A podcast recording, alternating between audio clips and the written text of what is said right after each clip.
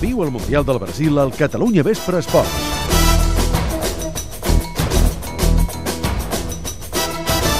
Que tenen una papereta també complicada, perquè si és veritat que Alemanya no ha estat del tot enlluernadora durant el Mundial, que Brasil tampoc no ha acabat de fer bon futbol, l'Argentina penja molt de Messi, segurament la selecció que més bones sensacions ha donat ha estat Colòmbia, que és la rival avui del Brasil, la samarreta de la verde amarela contra la millor forma potser dels colombians, i això no sé si fa por, si no, com estan vivint aquestes hores prèvies, ara ja minuts previs, Laia, eh, els aficionats brasilers.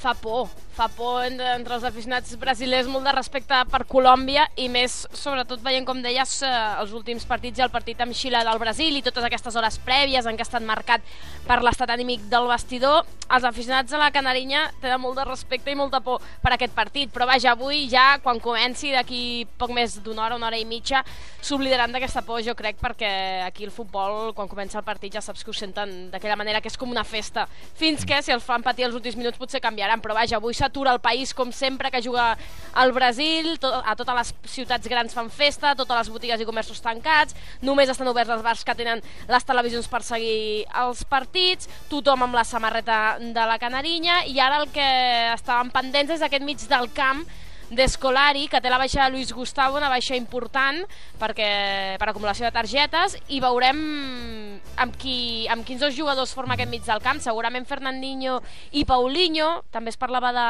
de Ramírez, però jo al sumari t'he dit, aviam si arrisca, perquè més per una voluntat o per esperar que ho faci, que Escolari no arrisca, és perquè, pel que és el que els agradaria a la gent, que li mm. demanen que canvi alguna cosa Vaja, un Escolari si així... per arriscar, eh? Va, no Clar, li aviam arriscar. si així el joc sorprèn una mica o fa alguna cosa diferent. De fet, el que més demanen també és un canvi al davant claríssim i és que Fred sigui suplent i que jugui Jou. Ja sabeu que tenen aquesta obsessió amb aquest davanter, però vaja, veurem si, si fa algun canvi. Peckerman, el Ricard doncs va dient habitual, que no, eh? El Ricard va dient que no, eh? que no, no, no, que no, a mi també no ens sorprendrà res. Dir, no, no, dir, aquí no crec que... És que, és que ha, fet una, ha fet una selecció tan homogènia que no té coses per canviar, és a dir, eh, eh, quin mig centre creatiu pot fer jugar si tots els que té són iguals? Són iguals. Eh, canviar entre Fred i jo no canvia res, vull dir, canvia que un és blanc i l'altre és negre, o sigui, gaire, gaire cosa més. I clar, vull dir, sí que potser la gent necessita, com diu la Laia, estímuls. El problema és que ja no els pot trobar, té el que té.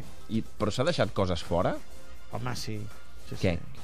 No, home, jo crec que podria haver canviat... Eh, eh, perfils de futbolistes. Eh, jo tinc la sensació que que si ens posem a buscar al Brasil eh, trobarem... Però vull dir que no, no és el, el futbol brasiler no ha generat un Romario, un rival, no, un Ronaldinho, és a dir, ara és Neymar, no, però no. no, no hi ha... No? Si em diguessis, no, és que s'ha deixat fora, no sé, per exemple, l'Argentina va generar molt de polèmica a Tevez, si havia d'anar o no hi havia d'anar, mm. però al Brasil no sé si hi ha un, allò, una ens, figura que, que ens, aglutini no, el, el, els... Ens, no, una figura així tan indiscutible, no, però és que clar, la selecció, el futbol brasiler ha creat com, com una gran massa de jugadors on no hi ha, com dius, mm grans figures, però sí que perfils diferents. Eh, i ara hauria de buscar-los perquè no ho he preparat, però és probable que trobéssim mig centres d'un altre perfil, segur no seria Lucas Leiva, per exemple, però sí que podríem trobar algun jugador que, que tingués més capacitat amb la pilota o algun mitja punta que connectés més, algun davanter que fos algun jugador eh, més hàbil amb la, amb, la, amb la rematada, amb la, amb, la, amb la combinació, no sé, ara m'ho invento, Luis Adriano del Shakhtar,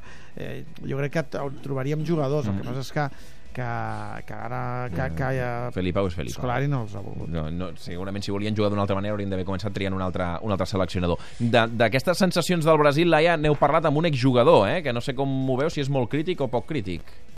Això t'ho pot explicar el Campos millor. Ah, doncs Xavi, és amb, amb Roberto Dinamita, que pels més joves eh, els hi deu sonar a, a actor estrafalari d'alguna sèrie, però, però la gent que té una edat el recorda pel seu pas ràpid pel Barça. Gran golejador al Brasil, gran figura de, de la història del Vasco da Gama, president del Vasco da Gama mm. actualment i polític. Vam anar, vam anar a parlar amb ell, entre altres coses vam parlar d'aquest Brasil, Roberto Dinamita, que és més aviat optimista tot i reconèixer que, que la Seleção d'Escolari de, no està jugant bé i que depenen molt, molt del Brasil, ara ho comprovareu. Roberto Dinamita que forma part d'un dels equips més mítics de la història del futbol, i no és el Barça de l'any 79-80. Mm, no. que no... És el Brasil del 82. Uh -huh. I que és un del Jogo Bonito que no es va endur el títol.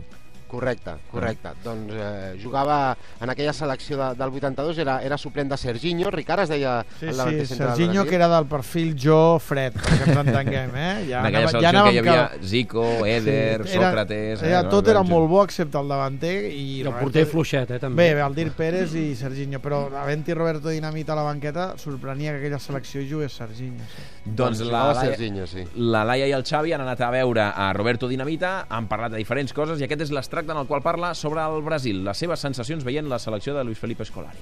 El senyor Dinamita, com està? Hola, ¿cómo está? ¿Todo bien? ¿Tranquilo? Vostè va jugar dos mundials, el 78 i el 82. La selección de 82 fue considerada una de las mejores de Brasil. Jugó en fútbol con la cara de Brasil, con la característica de Brasil, mas não, não, não é ganhado o título. E por isso, a partir de 82, 86, 90, o Brasil não, não se foi bem, se mudou a parte tática do Brasil. Que em 82 o Brasil pudesse ser, ter sido campeão, porque iria prevalecer no, no futebol arte, no futebol tático, no futebol em que os talentos estariam sobressaindo muito mais.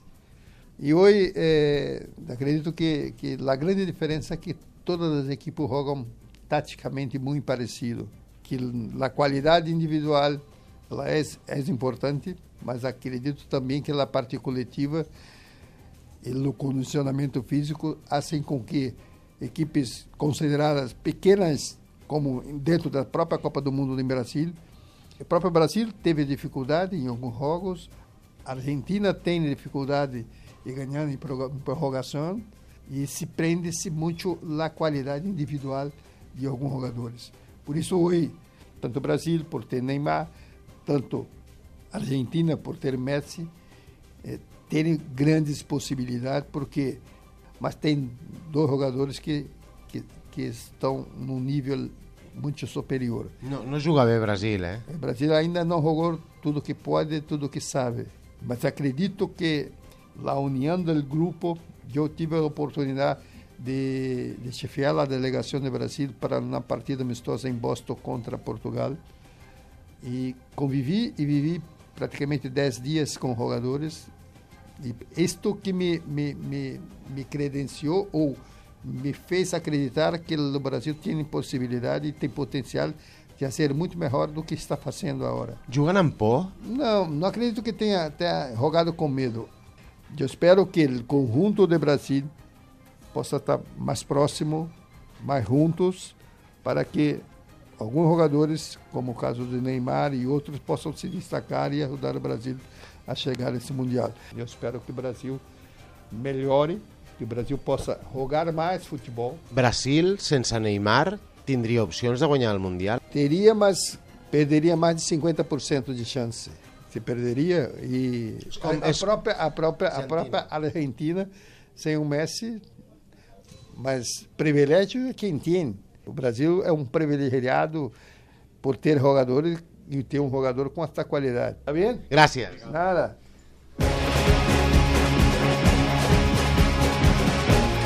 Doncs és la conversa que tenia el Xavi Campos amb Roberto Dinamita. Amb el senyor Dinamita. El senyor Dinamita. M'ha agradat molt això, eh? Senyor Dinamita. No, no es diu dinamita de cognom, teniu raó. Ara, ara No, però, dic. però, No, però, però ha quedat bé. molt, molt familiar. Eh, però educat. No, I, I Dinamita, quan va venir al Barça, se la va deixar a casa, eh, la Dinamita, eh, perquè em sembla que va fer poquíssims gols. creuar l'oceà, Exacte, se li va mullar. se li va remullir. Tres gols en vuit partits, la mitjana no és tan dolenta, Eudal. Pues exigent, l'Eudal. Ja Tenia el record de que havia jugat més partits que només va vuit. Eh? jugar 8, clar. Clar, el problema és que no va tenir continuïtat. És que també ets molt exigent, home.